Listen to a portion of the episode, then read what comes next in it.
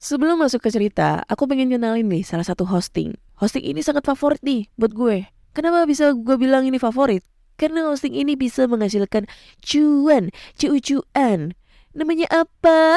Namanya First Story. Nah, buat kalian nih yang nggak tahu First Story itu apa, jadi ini adalah platform palu gada baru yang paling keren, lengkap, dan mudah untuk membuat, mendistribusi, dan mengelola podcast kamu. Di First Story ini kalian bisa menggunakan fitur-fiturnya 100% gratis. Kamu bisa mengupload episode terjadwal dan mendistribusikan podcastmu di semua platform hits podcast kesayangan kalian. First Story menyediakan customer service yang luar biasa berkat tim yang bersisikan podcaster berpengalaman. Kamu bisa share podcastmu tanpa ribet dengan F-Link yang akan mencakup semua link platform dan sosial mediamu. Dengan First Story Ads, kamu bisa mengakses monetisasi yang mudah dan beneran nih bisa kamu cairkan sesegera mungkin tanpa biaya tambahan dan tanpa ribet di garis bawahi. Ribet, gak pakai ribet ya. Jadi tunggu apa lagi? Gunakan hosting First Story sekarang juga. Lisir wangi Seliramu tumaking sirno Ojo tangi kan guling Awas jok ngetoro Aku lagi bang wingo wingo Jin setan kang tak utusi Hai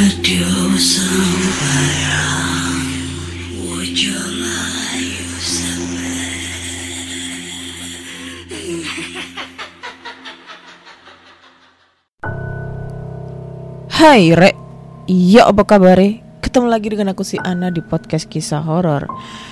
Kita bertemu di episode 240 berapa ya? 40 berapa ini? Ya, 246. Dan episode kali ini aku membacakan cerita horor ataupun email berhantu yang sudah dikirimkan teman-teman melalui podcast kisah horor at gmail.com atau di Instagram podcast kisah horor serta Google Form yang lainnya tersedia di bio Instagram podcast kisah horor.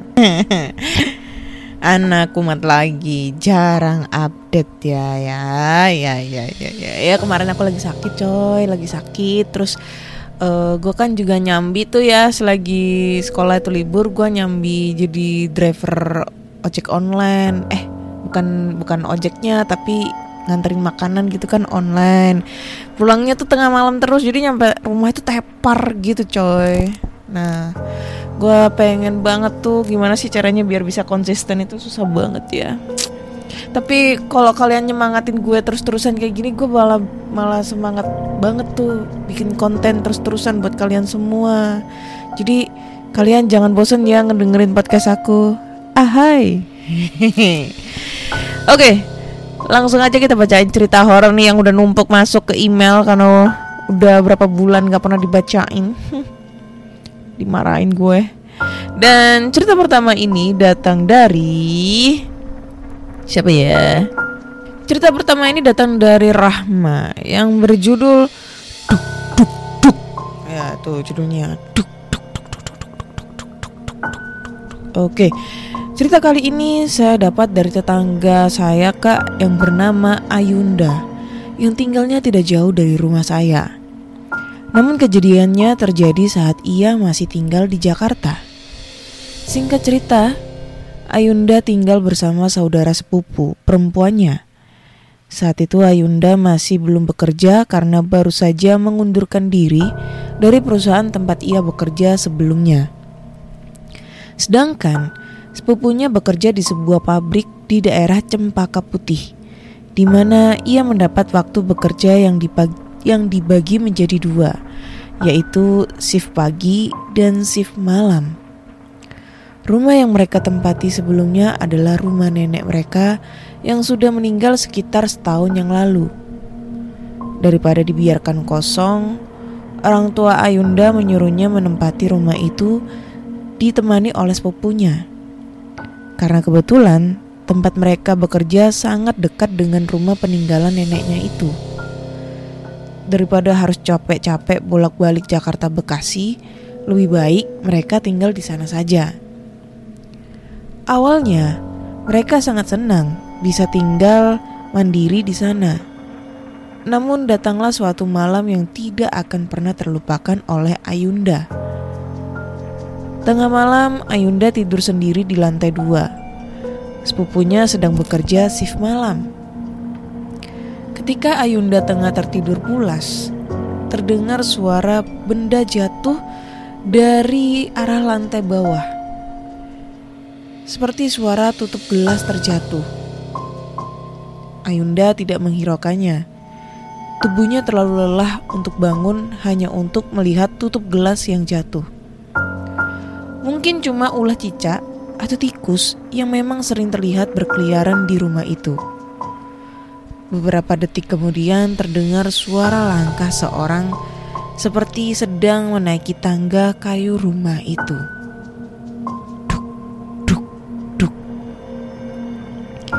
Kali ini mata Ayunda langsung terjaga. Hening sejenak, lalu tiba-tiba suara seseorang sedang memainkan pegangan pintu. Namun bukan pintu kamarnya, melainkan pintu balkon yang berseberangan dengan kamar yang ia tempati saat ini. Suaranya seperti sedang berusaha membuka pintu yang terkunci itu. Bulu kuduk Ayunda langsung merinding. Berjuta pertanyaan dan rasa takut memenuhi pikiran dan hatinya saat itu. Siapa itu? Pencuri atau sesuatu yang lain? Tubuhnya saat itu langsung membatu. Tidak bisa bergerak sama sekali. Keringat dingin mengucur deras di sekujur tubuhnya. Di sela-sela keheningan malam itu terdengar jelas suara seseorang dari lantai bawah. Sini, turun aja, jangan takut. Terpikir bahwa suara itu sangat mirip dengan suara neneknya. Ketakutan Ayunda semakin menjadi-jadi. Ia langsung memejamkan matanya, berusaha untuk tidur kembali, tapi sulit sekali rasanya. Suara-suara aneh di luar tidak lagi terdengar. Tanpa disadari, ia kembali tidur dengan tubuh yang masih tidak bisa digerakkan. Begitu azan subuh berkumandang, Ayunda kembali terbangun dengan tubuh yang sudah bisa digerakkan lagi. Perasaan tenang saat ia mendengar suara azan tersebut. Ayunda menceritakan peristiwa horor tersebut pada sepupunya. Jadilah mereka berdua ketakutan setiap malam datang. Terutama Ayunda yang kadang tidur sendiri saat sepupunya bekerja shift malam. Suara langkah seseorang yang sedang menaiki tangga kerap kali terdengar ketika tengah malam tiba. Hal itu yang membuat mereka memutuskan dengan mantap untuk tidak lagi tinggal di rumah itu dan mencari kontrakan atau kos-kosan baru di daerah sana. Terima kasih kak sudah dibacakan cerita dari pengalaman teman saya ini. Mohon maaf jika ceritanya kurang seram. Oke, okay. thank you Rahma buat ceritanya ya. Hah opening yang sangat sangat sangat kalau gue bisa bilang mungkin si Ayunda ini ngimpi kali ya mimpi mimpi kenapa gue bisa bilang mimpi ya memang karena posisinya pada saat itu dia lagi tidur coy bangun-bangun di subuh hari dengan badan yang bisa digerakkan semua ini bisa dibilang lagi dia adalah ketindihan ya tak kenapa nih ya beberapa kali gue uh, di beberapa episode terakhir ini ya episode kemarin kemarinnya kemarinnya lagi tuh sering banget ceritanya itu tentang ketindihan. Padahal sebenarnya ketindihan itu bisa dipikir pakai logika gitu ya, pakai nalar. Kenapa kok bisa ketindihan gitu? Hmm. Tapi ya gimana ya, kita harus mengapresiasikan cerita orang. Hmm. Karena gue gak mau dihujat lagi. Hah ya itu gue kira sih mungkin lu halu kali ya Yunda ya atau mungkin karena lu lagi tidur posisinya jadi mungkin kamunya itu mimpi gitu mimpi yang kebawa jadi kenyataan tapi sebenarnya kamu itu lagi apa ya di bawah alam sadar gitu loh paham gak sih bawa alam sadar gitu terus lu berasa kayak lu lagi mimpi padahal lu ngiranya itu nyata. Nah itu bisa jadi tuh. Karena kecapean bekerja seharian akhirnya otot-otot apa segala macam terus pikiran otak melayang ke mana-mana akhirnya lu tersuges uh, kejadian hal yang seperti itu. Di satu sisi lain rumahnya ini kan sebelumnya kan kosong tuh. Terus ditempatin sama Ayunda sama sepupunya yang akhirnya membuat suatu cerita-cerita horor di sana kayak gitu guys bisa diterima ceritanya dari Ayunda ya kalau kalian menilai ini ceritanya real atau enggak atau halu kalian bisa tulis di kolom komentar di platform kesayangan kalian ya. Kalau ngedengerin podcast gue, ya dengerin dong makanya. Next, lanjut ke cerita berikutnya. Cerita berikutnya ini, waduh, panjang anjay. Oke, kita bacain langsung aja ya. Judulnya adalah pengalaman hidup saya. Oke, kenalkan nama saya Elisa Aryani. Inilah kisah pengalaman hidup saya. Saya menikah dengan suami di tahun 2014. Setelah menikah tiga bulan, kami pun ingin hidup mandiri, terlepas dari orang tua dan mertua. Setelah memilah dan memilih tempat mana yang akan kami tuju, akhirnya suami memutuskan untuk tinggal di Tanah Hulu, daerah Kutai Barat, tepatnya di Resak Kampung. Karena di sana ada teman suami yang sudah dianggap seperti saudara. Saya sangat senang karena saya belum pernah merasakan namanya merantau dan tinggal di kampung orang. Maklum, saya orangnya suka traveling. Setelah fix akan ke Tanah Hulu, malamnya saya mengemasi barang yang akan dibawa sambil uh, apa nih? sambil membayangkan suasana di sana. Saya belum pernah menginjakan kaki di kampung orang Dayak. Saya berpikir, uh, apakah kami akan diterima dengan baik di sana.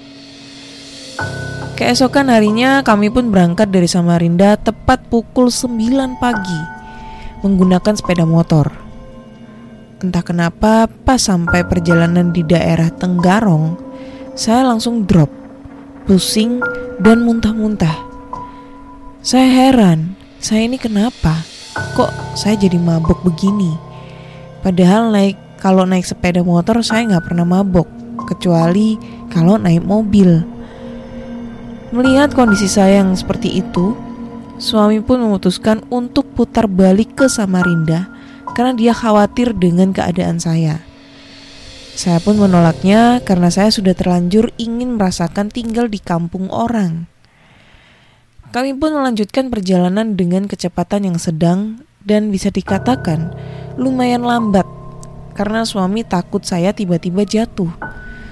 Dengan kondisi saya yang drop, kami pun jadi sering singgah untuk istirahat. Namun, ya mana tadi? Namun setelah sampai simpang kota bangun, suami menolak untuk singgah-singgah lagi dengan alasan di daerah situ dan seterusnya adalah hutan dan gak ada penduduk. Saya pun mengiyakan saja. Sepanjang jalan saya hanya melihat pepohonan di kiri dan kanan saya. Pengendara lain pun gak ada yang lewat karena pada saat itu cuaca gerimis-gerimis manja. Sepanjang perjalanan suami cuma tanya, "Bun, yakin bakalan betah di sana?" Di sana loh masih banyak hutan gak kayak di Samarinda. Apalagi bunda orangnya penakut. Saya pun menjawab, "Gak apa-apa ya. Namanya juga mau hidup mandiri, ya gak boleh pilih-pilih tempat." Karena keasikan ceritaan, akhirnya pukul 6 sore kami tiba di rumah yang saya panggil Mama Dayak dan sekarang sudah jadi mama angkat saya. Setelah menyambut kedatangan kami, Mama pun menyiapkan kamar untuk kami. Sekedar intermezzo aja. Rumah Mama Dayak itu ada dua, tapi digabung kayak rumah bangsalan gitu. Rumah yang sebelah ini bertingkat Dan di rumah yang sebelahnya ini cuma ada satu kamar. Dan kami dipersilakan menempati rumah yang ada satu kamar ini. Setelah membersihkan diri dan makan, saya pun dan suami pamit untuk istirahat. Di daerah sini belum ada listrik, jadi kalau malam hanya menggunakan mesin domping. Setelah masuk kamar, saya langsung merebahkan diri. Lalu lima menit kemudian di bawah kolong ada suara kayak orang ngaduk-ngaduk peceren. Eh, apa nih? Pe- peceran. Peceran apaan? Karena memang di bawah rumah itu seperti rawa. Mendengar itu saya langsung tanya suama suami. Itu apa ya? Saut, saut suami, udah bunda diem aja. Setelah nggak berapa lama ada yang ngetok-ketok jendela. Kami pun langsung saling pandang. Gimana gak heran karena di sebelah rumah itu kan rawa yang dalamnya sampai lutut orang dewasa. Lagian jendelanya juga tinggi. Siapa yang bisa nyampe buat ngetok jendela? Jarak antara rumah ke tetangga pun sekitar 20 meter lebih. Makin lama suara ketokan pun makin keras. Ngeliat saya yang ketakutan, suami pun berteriak. Kami di sini memang pendatang, tapi tapi kami gak ada niat jahat. Jadi jangan ganggu kami. Lalu suara ketokan itu pun hilang. Namun berganti suara perempuan menyanyi dengan suara yang sangat melengking dan memilukan hati. Saya gak ngerti dia nyanyi menggunakan bahasa apa, tapi mungkin bahasa Dayak. Suara nyanyian itu pun makin lama makin tinggi terus, meninggi dan tiba-tiba hilang. Saya pun gemetaran sampai pucat dan keringat dingin. Lalu suami mengajak saya untuk pindah ke rumah sebelah. Setelah suami membangunkan mama Daya, dia kaget melihat saya sudah pucat ketakutan dan gemetaran. Lalu mama tanya, Loh, kenapa ini? Ada apa?" Suami pun menceritakan apa yang terjadi tadi. Setelah mendengar cerita mama, hanya tersenyum sambil berkata, "Kamu lagi hamil kali, makanya didatangi." Saya pun mengelak karena setahu saya, saya memang lagi gak hamil. Mama pun menyuruh kami pindah kamar di lantai dua. Setelah tidur di kamar itu, perasaan saya agak tenang karena di lantai dua itu ramai. Ada tiga kamar yang ditempati anaknya Mama Daya dan keponakannya. Tepat jam 12 malam, mesin domping dimatikan. Kami tidur dalam keadaan gelap. Saya pun tertidur lelap dan gak merasakan apa pun.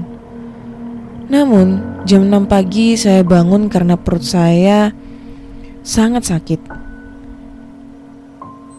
Saya pikir mungkin ini panggilan alam, namun setelah di WC, saya melihat darah mengucur di kaki saya.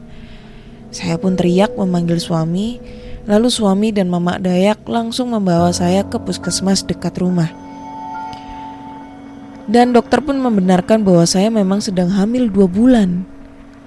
Setelah tahu bahwa saya sedang hamil, suami pun menjaga saya dengan ekstra karena saya sangat drop selama hamil. Kehamilan saya pun memasuki usia tiga bulan. Waktu itu di rumah gak ada air sama sekali buat mandi atau cucian. Lalu Mama Dayak menyarankan agar kami cucian dan mandi tem di tempat nenek di ladang. Karena di sana ada sumber mata air yang gak pernah kering. Tempatnya jauh, sekitar satu jam lebih. Kalau nggak salah nama tempatnya itu Trans. Kami pun berangkat ditemani oleh anaknya Mama Daya dan istrinya. Ada juga tiga keponakannya Mama Daya yang ikut. Kami pun berjalan melewati jalan yang banyak batu-batuannya.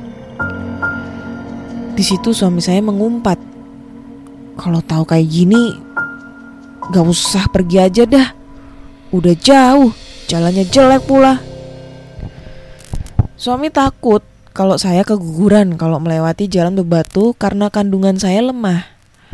Karena suami mengumpat seperti itu, saya pun diam aja. Karena saya yang salah. Saya yang maksa buat pergi. Maklum, namanya di kampung orang, jadi saya pengen jalan-jalan.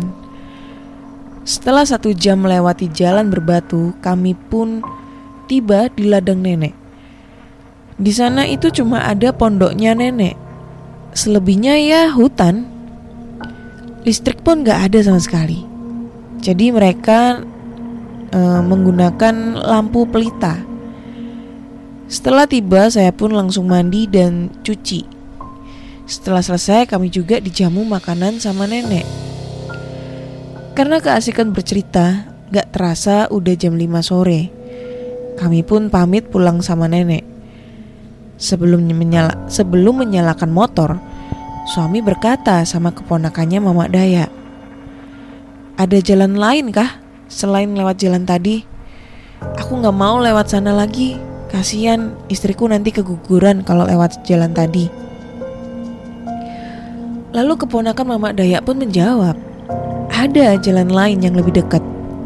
Gak sampai setengah jam udah nyampe di jalan raya. Tapi jalan pintasnya itu di tengah hutan belantara. Su suami pun menyahut, iya gak apa-apa, yang penting cepet nyampe. Udah sore juga soalnya, udah mulai gelap. Kami pun bergegas jalan karena kami ada tiga motor, jadi yang paling depan itu keponakannya Mama Daya. Mereka bonceng tiga. Di belakangnya ada anaknya Mama Daya dengan anak istrinya. Dan saya sama suami pun paling belakang. Namun ini kesalahan besar karena kami memilih jalan pintas. Awalnya saya dan suami gak merasakan ada yang aneh. Namun semakin lama, kami semakin masuk ke dalam tengah hutan belantara yang sang yang sepertinya nggak pernah dimasukin orang. Hutannya sangat lebat. Jangankan orang yang masuk hutan itu, cahaya matahari aja nggak bisa masuk saking lebatnya itu hutan. Jalanan pun sangat becek. Setelah melewati jembatan kecil yang sudah rapuh, saya pun turun dari motor karena jalannya menanjak dan sangat licin. Suami pun berpesan sama saya, "Bun, jangan nengok ke belakang, jangan nengok ke kiri dan kanan. Pokoknya pandangan lurus aja ke depan." Saya nurut aja karena kalau suami udah pesen kayak gitu, berarti ada apa-apanya ini. Soalnya suami saya itu tipikal bisa melihat makhluk halus. Saya pun berjalan terus menanjak mengikuti yang lain yang sudah jauh di depan. Setelah sangat jauh, saya kok gak ada dengar suara motor suami. Lalu anaknya Mama Dayak pun teriak panggil suami saya. Tapi suami saya gak ada jawaban dan akhirnya disusullah sama anaknya Mama Dayak ini tadi. Betapa kagetnya begitu melihat suami saya yang berusaha mendorong sambil ngegas motor, tapi motornya itu nggak bergerak sama sekali. Aneh, padahal motor anaknya Mama Daya dan keponakannya bisa aja melewati jalan tadi. Anaknya Mama Daya pun membantu untuk mendorong motor. Sambil mendorong motor, suami saya pun bertanya, "Kamu gak denger kah dari tadi aku teriak-teriak panggil kamu?" Lalu anaknya Mama Dayak menjawab, Aku juga tadi manggil kamu karena aku nggak ada dengar suara motormu. Setelah suami sampai di tempat saya menunggu, suami, suami pun menghampiri saya, memeluk, mengusap kepala sampai ujung kaki saya. Saya nggak tahu dia sedang apa, soalnya mulutnya komat kamit sambil mata terpejam. Hari pun semakin gelap. Kami melanjutkan perjalanan di dalam hutan tersebut. Saya eh mana nih? Oh ya, saya yang nggak pernah peka akan kehadiran makhluk halus. Tiba-tiba saya merasa di sekeliling saya itu seperti banyak orang yang penuh, sesak dan melihat kami. Saya pun hanya memejamkan mata karena ketakutan sambil meluk suami. Saya merasakan jalan yang kami lewati ini semakin lama semakin sempit. Karena di kiri dan kanan kaki saya terkena rerumputan dan fixnya lagi. Di dalam hutan itu sudah gelap gulita seperti malam. Saya hanya membaca doa dalam hati. Jangan sampai kami tersesat dan gak bisa keluar dari hutan ini. Namun dari kejauhan, saya mendengar suara kendaraan berlalu lalang. Saya pun merasa lega yang bikin saya nggak habis pikir setelah melewati jembatan bambu yang sudah reot, tiba-tiba langit menjadi terang. Dan gak lama kemudian, kami pun tiba di jalan raya. Sepanjang jalan raya, saya melihat dari spion wajah suami saya kok lain. Tatapannya kosong, badannya dingin, dan gak ada negur saya sama sekali. Saya pikir mungkin dia marah sama saya namun pas sampai di rumah, suami saya langsung masuk kamar dan duduk di pojokan kamar sambil menggeram. Saya pun mendekat dan bertanya, "Kenapa dan ada apa?" Dan betapa kagetnya saya ketika dia menoleh. Bola, bola matanya itu putih semua. Gak ada bola matanya yang hitam. Saya pun terus mendekati namu. Saya pun terus mendekati namun suami saya berjalan jongkok mundur menjauhi saya. Semakin saya mendekat, dia semakin menggeram. Gak pakai satu dua tiga lagi, saya pun langsung memerat memeluk erat suami saya. Dan dia gak bisa memberontak. Saya merasakan tubuhnya yang dingin tiba-tiba menjadi hangat. Geramannya pun menghilang. Gak lama kemudian, suami saya langsung muntah dan muntahnya itu berupa lumpur. Setelah menenangkan suami, saya pun bertanya, apa yang terjadi? Suami saya pun menjelaskan, Bunda ingat gak waktu ayah meluk terus usap bunda mulai kepala sampai ujung kaki itu ayah nitip kodamnya ayah buat jaga bunda sama adik. Karena di sekeliling hutan tadi banyak pejuang Dayak zaman dahulu. Mereka nggak suka karena kita masuk wilayahnya. Soalnya hutan itu jarang dijamah sama manusia. Lalu ada piaraannya Panglima Dayak ikut-ikut juga. Dan alhasil masuk dalam tubuhnya ayah. Untungnya bunda ngambil tindakan cepat karena piaraannya Panglima Dayak itu takut sama kodamnya ayah yang ayah titip sama bunda. Setelah mendengar itu saya pun gak mau memikirkannya lagi. Yang penting saya, suami, dan adik dalam perut gak kenapa-napa. Beberapa hari kemudian suami pun mendapat panggilan kerja di perusahaan sawit di Muara Siram. Suami pun mulai bekerja di sana. Karena belum mendapat mes, suami kerjanya pulang pergi antara Resak, Kampung, dan Muara Siram. Pernah suatu kali saat suami saya lagi kerja, saya iseng main di Sungai Bongan bersama keponakannya Mama Daya. Entah kenapa saya ingin sekali berenang di sungai itu. Padahal aslinya saya nggak bisa berenang. Saya tetap nekat berenang padahal arusnya deras juga. Mungkin karena ngidam atau bawaan hamil juga, jadi kepengen berenang di situ. Keponakan Mama Dayak pun hanya bisa diam menatap saya. Setelah puas berenang, saya pun pulang. Sampai di rumah, Mama Dayak tanya, saya dari mana? Saya menjawab, habis berenang di Sungai Bongan. Betapa kagetnya Mama Dayak dan langsung marah sama saya. Awak, awak tahu di di sungai itu ada buayanya. Berani benar awak sembarang berenang di situ. Awak ndik takut ditelan kah? Yang artinya, kamu nggak tahu kah? Di situ ada buayanya. Berani bener kamu sembarangan berenang di situ. Kamu nggak takut kah dimakannya? Saya hanya ter terdiam karena saya bener-bener nggak tahu kalau di situ memang ada buayanya. Saya pun nggak berani cerita sama suami soal saya berenang di Sungai Bongan karena saya takut suami marah dan ngelarang saya keluar rumah. Setelah dua bulan kerja di perusahaan sawit, kami pun pindah ke mes. Kami mengangkati barang menggunakan sepeda motor melewati jalan yang bebatuan. Ya, namanya juga jalanan menuju di, menuju ke sawit, pasti jalannya nggak ada yang aspal. Setelah selesai merapikan mes, kami pun istirahat.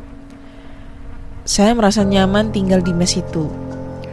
Saya lupa hari apa, yang jelas saya dan suami pergi ke pasar malam Resak 3 untuk belanja keperluan dapur. Setelah selesai belanja, kami pun pulang senja. Selama perjalanan, pikiran yang pikiran saya memang kosong. Saya memandang kiri kanan hanya terbentang pohon sawit.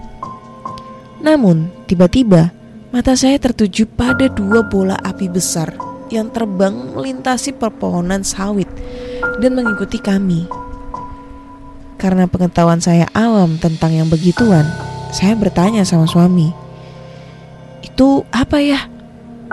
Suami hanya menjawab dengan datar, "Udah, gak usah dihiraukan dan gak usah diliatin bun.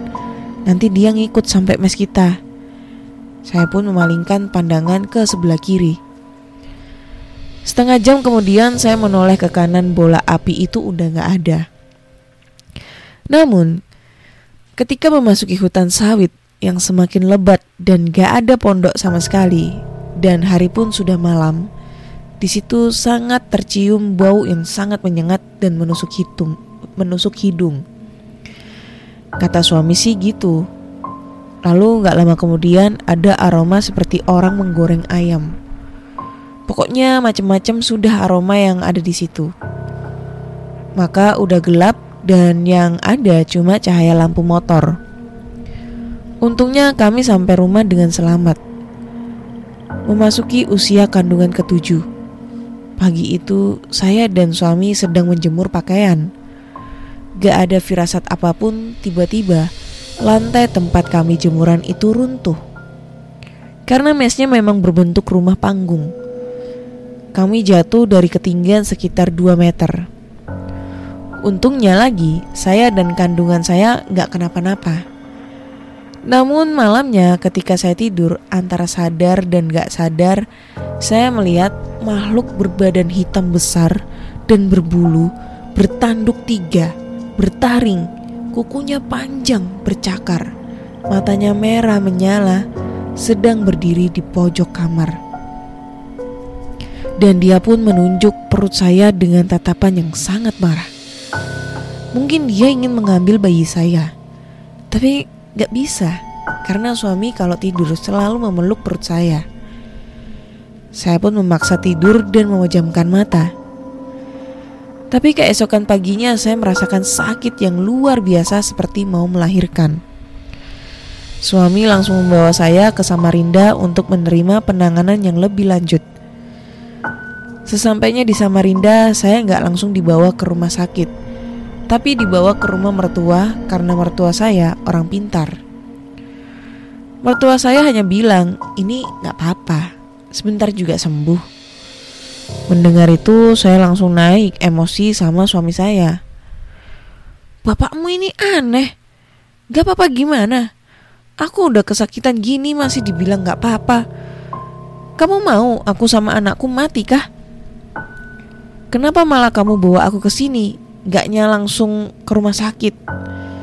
Begitulah umpat saya sama suami. Padahal saya tuh gak pernah ngomong kasar sama suami sama suami saya selama ini. Suami suami pun langsung bergegas membawa saya ke rumah sakit Aisyah dan gak menghiraukan larangan mertua. Sampai di rumah sakit, dokter pun mendiagnosa bahwa kandungan saya memang sangat turun dan kalau lambat ditangani bisa berujung fatal. Saya juga terkena sakit tipes. Seminggu di sana kesehatan saya berangsur pulih saya dibawa pulang ke rumah mertua. Saya tinggal sama mertua itu sampai saya melahirkan. Tapi suami tetap kerja di Tanah Hulu dan pulang ke Samarinda sebulan sekali. Setelah melahirkan, saya meminta suami untuk membawa lagi saya sama anak ke Tanah Hulu karena dari awal nikah saya emang gak cocok sama mertua saya. Awalnya suami menolak dengan alasan kalau saya sama anak takut kenapa-napa karena di sana itu masih banyak makhluk halusnya. Namun saya tetap membujuk, akhirnya suami pun lulu juga. Ketika anak saya yang bernama Al berusia 40 hari, barulah kami dibawa ke Tanah Hulu. Sepanjang perjalanan memang gak ada apa-apa. Namun ketika melewati rumah Lamin, anak saya menangis menjerit-jerit. Melihat anak saya menangis menjerit, saya jadi keinget sama ketika hamil, saya pernah ke rumah Lamin karena ada acara. Saya lupa nama acaranya apa. Yang jelas acaranya itu seekor kerbau diikat di patung ukiran dari kayu ulin. Lalu beberapa orang menusuk kerbau itu dengan mandau sampai kerbau itu mati. Anjay, serem cuk. Setelah mati, kepala kerbau itu diletakkan di rumah Lamin.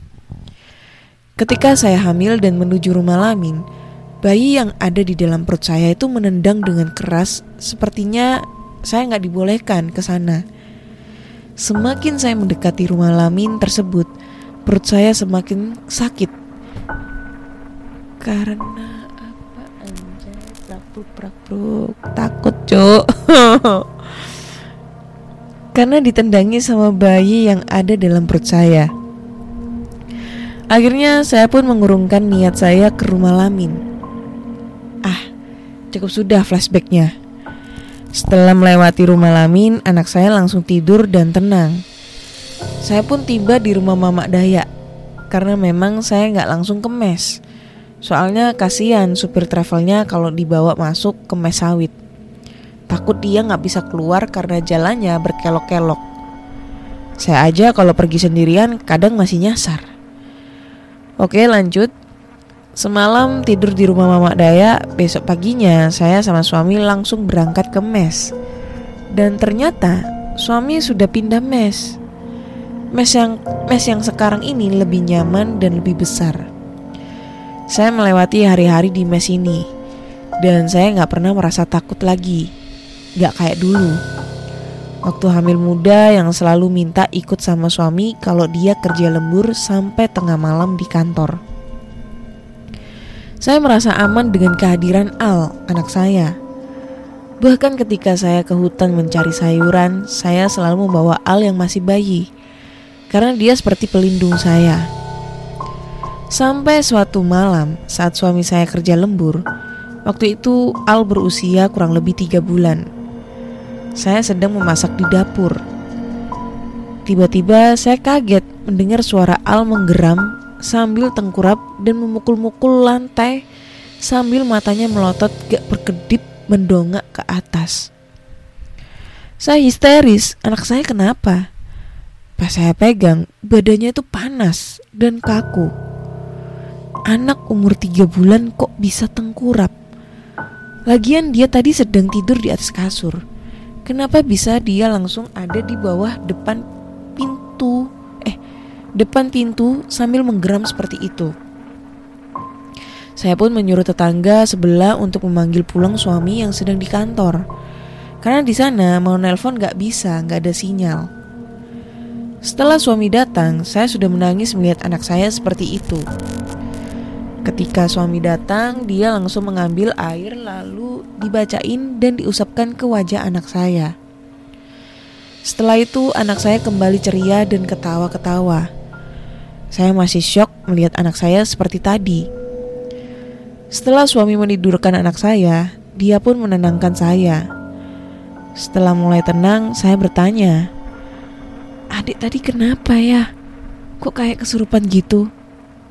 Suami cuma bilang, "Oh, nggak apa-apa. Tadi ada tamu nggak diundang masuk ke sini. Adik bisa merasakan, jadi dia berusaha mengusir makhluk itu." Karena adik itu indigo juga turunan dari ayah. Mendengar itu, saya hanya bisa menghela nafas. Saya ini loh orangnya tuh penakut. Tapi kenapa saya memiliki anak dan suami yang dekat dengan makhluk halus? Begitulah umpat saya dalam hati. Sejak kejadian itu, saya menjadi parno lagi dan melarang suami untuk kerja lembur. Keesokan harinya, saya, suami, dan Al ke pasar malam lagi untuk membeli beberapa barang kebutuhan. Setelah pulang dari pasar malam, kami singgah makan bakso di simpangan. Yang berjualan bakso orang Banjar. Dia pun menegur kami. Ikam, ditakutkah bawa anak lewat hutan sawit malam-malam kayak ini? Bahaya taulah jalanan menuju sawit tuh. Apalagi baunya anak bayi itu harum. Kamu nggak takut kah membawa anakmu melewati hutan sawit malam-malam seperti ini? Sangat bahaya jalanan sawit itu. Apalagi anak bayi itu harum. Kami hanya menjawab, ya mau gimana lagi? Karena kalau nunggu pasar malam di sawit itu masih lama, sedangkan perlengkapan dapur kami habis. Setelah selesai ma- makan, kami pun pamit untuk pulang. Sebelum pulang, penjual bakso itu memberi saya sebuah pisang besar. Lalu beliau bilang, "Kena ikam dihadang di jalan, lempar aja pisang ini. Kalau kamu dihadang di jalan, lempar pisang ini." Saya pun berterima kasih sama penjual tersebut. Dan ternyata apa yang dibilang oleh penjual bakso itu benar. Kami dihadang oleh segerombolan monyet-monyet di tengah malam. Lalu suami menyuruh saya melempar pisang yang dikasih sama penjual tadi. Sekejap kemudian monyet-monyet itu menepi dari tengah jalan. Dan akhirnya kami pun bisa lewat. Setelah beberapa meter kami melewati monyet tersebut, entah kenapa saya ingin sekali menengok ke belakang.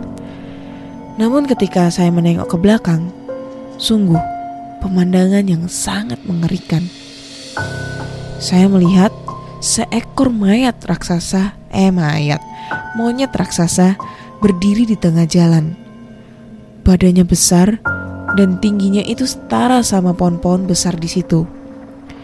Matanya bulat besar melotot ke arah saya.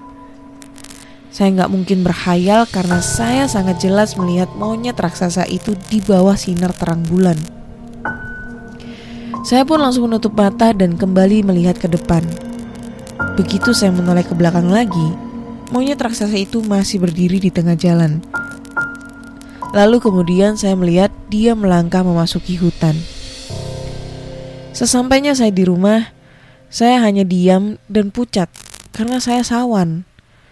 Suami pun langsung menawari saya dengan air. Lalu saya bercerita dengan apa yang saya lihat. Namun suami merasa heran karena dia nggak melihat apa-apa. Dan biasanya kalau saya melihat hal yang aneh, suami saya melihatnya duluan. Panjang cuk. Keesokan harinya, saya bertanya sama tetangga sekitar tentang apa yang saya lihat. Dan mereka pun membenarkan bahwa memang ada raja monyet di daerah yang kami lewatin tersebut. Setelah berkosipan sama tetangga, suami ngajak saya ke rumah Mamak Daya. Karena suami hari Sabtu dan Minggu itu libur. Kami pun berangkat sore hari. Sesampainya di sana, belum kami duduk lima menit, datanglah adiknya Mamak Daya ini. Mereka datang tiga orang. Setelah mereka ikut berbincang dengan kami, tiba-tiba om itu ngajak suami saya untuk mencari durian di tengah hutan. Mendengar itu Mama Daya ngelarang suami karena kami kan pendatang. Lagian di sana itu angker. Ada kuntilanak hitam yang suka makan, mohon maaf ya, kelamin laki-laki. Saya pun dengan tegas melarang suami untuk ikut, ikut. Namun tiga orang adik Mama Daya ini nggak menghiraukan perkataan Mama Daya. Berangkatlah mereka pas senja dengan menempuh perjalanan jauh. Namun tepat jam 12 malam, mereka tiba di rumah dengan tergesa-gesa dan wajah yang pucat pasi. Setelah tenang, mereka pun mulai bercerita apa yang terjadi. Awalnya begini, mereka bertiga ini dudukan di pondok sambil berceritaan. Lalu mereka memutar musik di HP dengan sangat nyaring.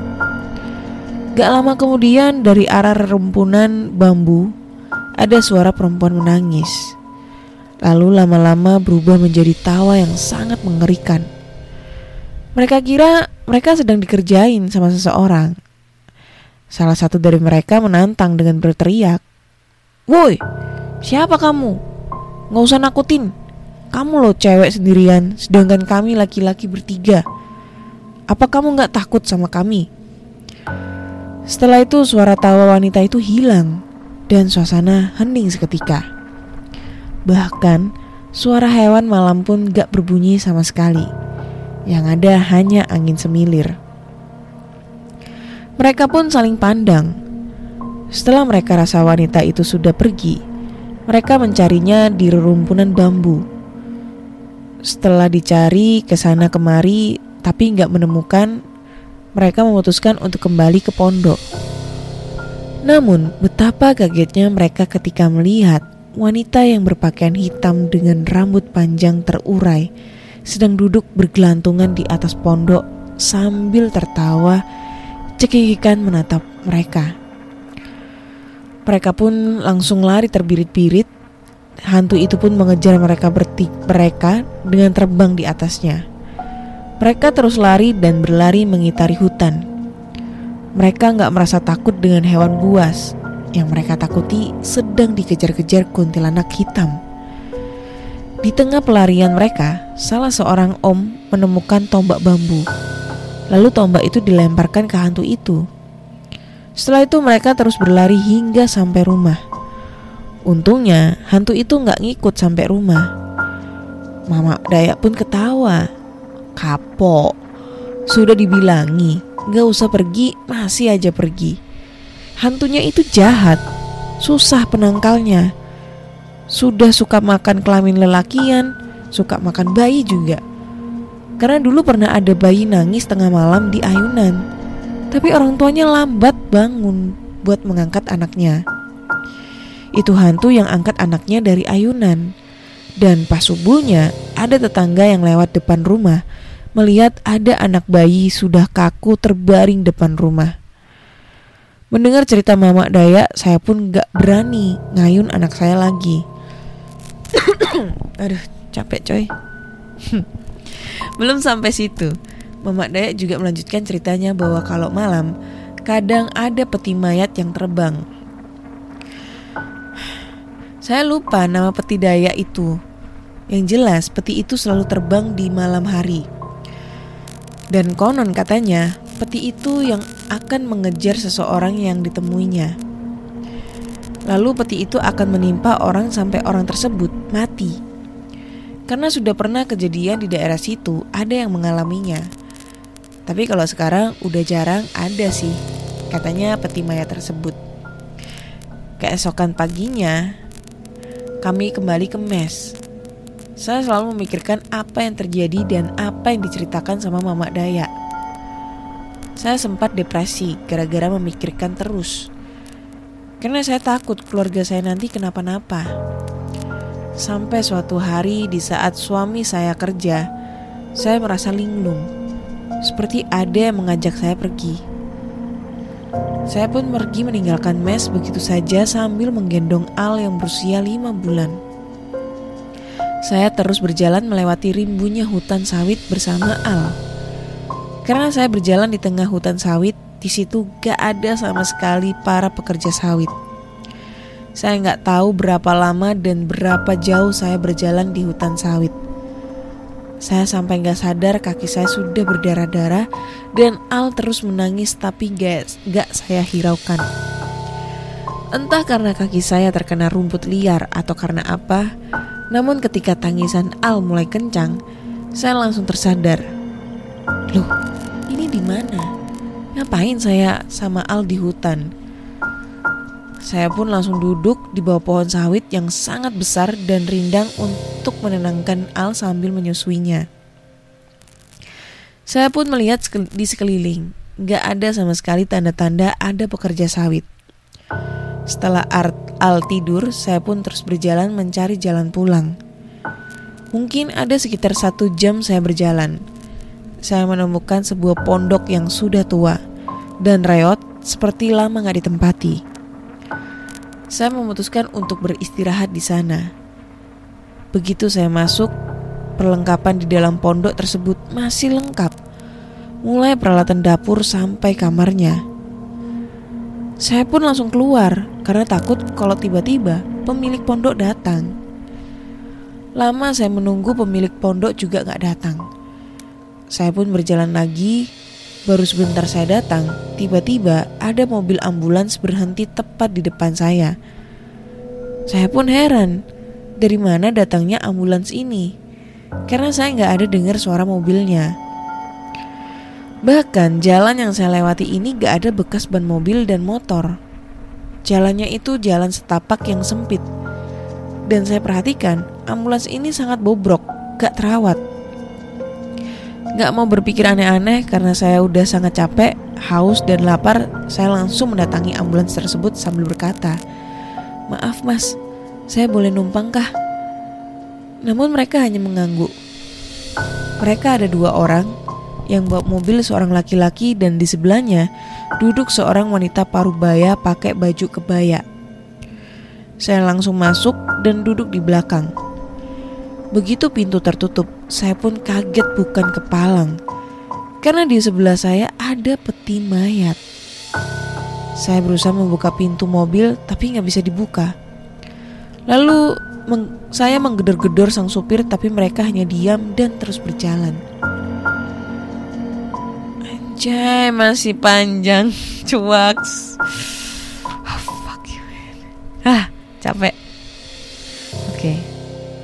Yang mana tadi? Ambulans ini terus berjalan semakin masuk ke dalam hutan. Jalannya pun sangat laju. Saya hanya bisa menangis, menutup mata sambil memeluk Al. Saya terus eh terus masuk ke dalam hutan ambulans. Ini pun melewati sebuah kuburan tua yang sudah nggak dipakai lagi. Saya sampai hampir pingsan. Ini saya mau dibawa ke mana? Tapi saya harus tetap kuat demi anak saya. Mungkin sekitar 15 menit ambulans itu berjalan, tiba-tiba dia menghentikan mobil di sebuah jalan raya yang saya nggak tahu itu di mana. Bagi saya 15 menit itu berasa 5 jam kalau dalam situasi seperti itu. Setelah berhenti pintu mobilnya langsung terbuka sendiri. Saya pun gak pakai aba-aba lagi, saya langsung turun dan lari sambil memeluk Al. Namun begitu saya nengok ke belakang, ambulans itu udah gak ada. Saya berpikir dalam hati, mungkin niat mereka baik menolong saya untuk keluar dari hutan sawit. Tapi gak gitu juga, careless caranya. Saya nggak tahu mereka itu manusia atau bukan. Dan satu lagi masalah yang saya hadapi, saya berjalan di jalan raya yang saya nggak tahu di mana. Gak ada rumah atau pondok penduduk. Bahkan kendaraan pun gak ada lewat. Padahal kalau dilihat, cuacanya mungkin sekitar jam satu siang. Duh, gak kebayang gimana lelah dan hausnya berjalan di tengah panas jalan raya sambil menggendong Al. Saya terus berjalan berharap ada seseorang yang ter yang saya temui. Namun saya merasa pusing, saya pun terduduk di tepi jalan raya. Tiba-tiba saya didatangi seorang kakek tua yang bawa tongkat. Dia tanya, saya dari mana dan mau ke mana. Saya belum bisa bercerita karena sangat kehausan. Lalu kakek itu membopong saya agak sedikit masuk ke dalam hutan. Dan betapa kagetnya saya ketika dibawa ke rumah kakek tersebut. Rumahnya besar dan megah. Saya pun berpikir, ah, mungkin saya menghayal karena saya kecapean. Saya diduduk, didudukan di sebuah kursi kayu ulin berukir khas Dayak. Lalu kakek itu memberikan saya segelas air yang menurut saya itu air terenak yang pernah saya rasakan. Setelah minum air itu, badan saya terasa segar. Padahal saya hanya minum beberapa teguk saja.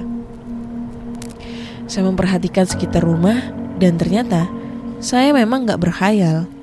Rumah itu nyata saya lihat. Anak saya pun merasa nyaman berada di rumah itu. Lalu saya bercerita apa yang saya alami. Kakek itu hanya tersenyum seraya berkata, Nak, kamu itu polos. Kamu gak kayak suami sama anakmu yang memiliki kelebihan. Makanya, kamu gampang diganggu sama makhluk lain. Setelah cukup beristirahat, saya pun pamit pulang. Sebelum pulang, kakek itu memberi saya sebuah batu putih yang halus sebesar telur ayam.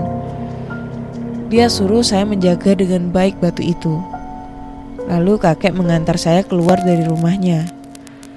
Saya pun mendadak kaget karena sekitar 10 meter dari rumah kakek ternyata sudah banyak rumah penduduk dan saya pun tahu bahwa itu sudah di daerah resak kampung. Kakek itu pun meminta maaf karena cuma bisa mengantar sampai situ. Gak bisa ngantar sampai rumah. Saya pun sangat berterima kasih. Saya berjalan meninggalkan kakek itu. Namun ketika saya menengok ke belakang, rumah dan kakek itu sudah gak ada. Ah, saya nggak mau mikir apa-apa lagi. Yang penting saya bisa pulang. Saya menuju rumah Mama Daya dan ternyata di situ sudah ada suami saya. Dia berkata bahwa saya sudah pergi selama tiga hari. Padahal perasaan saya hanya seharian saja saya pergi. Kami pun kembali ke mes. Setelah tiba di mes, ternyata sudah banyak orang yang menunggu. Bahkan beberapa di antara mereka mendatangi saya dan bercerita. Katanya mereka melihat saya melewati hutan sawit. Mereka memanggil saya, tapi saya nggak menghiraukan. Suami pun berkata, "Sudah, istri saya jangan diajak cerita dulu, biar gak depresi lagi." Malamnya pun saya menceritakan suama suami apa yang saya alami. Setelah selesai cerita, suami langsung meminta batu putih itu. Namanya saya nggak ngerti itu batu apa ya. Saya langsung kasih aja ke suami. Namun semua mendadak berubah. Setelah memegang batu itu, suami saya jadi pemarah dan kasar. Bahkan gak segan untuk memukul saya. Melihat suami saya yang kalap mata seperti itu, saya udah gak tahan lagi. Saya pun memutuskan untuk pergi ke rumah Mama Daya. Lalu Mama Daya ngasih saya uang untuk ongkos pulang ke Samarinda. Sesampainya di Samarinda, saya langsung diobatin lagi sama nenek saya. Sekitar dua bulan saya di Samarinda, suami pun gak ada nyusul sama sekali. Di situ saya berpikir, mungkin suami saya ini sudah gak respect dengan saya dan Al. Dan ternyata benar. Suami saya memiliki will. Will. Apa itu will? Will, will. Will. Wanita idaman lain. Mungkin ya, nggak tahu. Will. Di situ saya memutuskan untuk pisah sama suami. Namun saya nggak menyesal karena saya sudah diberi seorang anak yang bisa melindungi saya di alam nyata maupun alam mimpi. Karena saya sering diteror lewat mimpi bahkan hampir membunuh saya. Saya mencoba bangun dari mimpi tapi nggak bisa. Akhirnya saya bisa terbangun karena mendengar teriakan anak saya. Bunda. Di situ saya sadar meski udah nggak sama suami, tapi saya masih memiliki anak. Yang saya harapkan bisa melindungi saya sampai dia dewasa nanti. Begitulah pengalaman hidup saya, Kak. Mohon maaf kalau terlalu panjang dan banyak sesi curhatnya. Sekian dan terima kasih.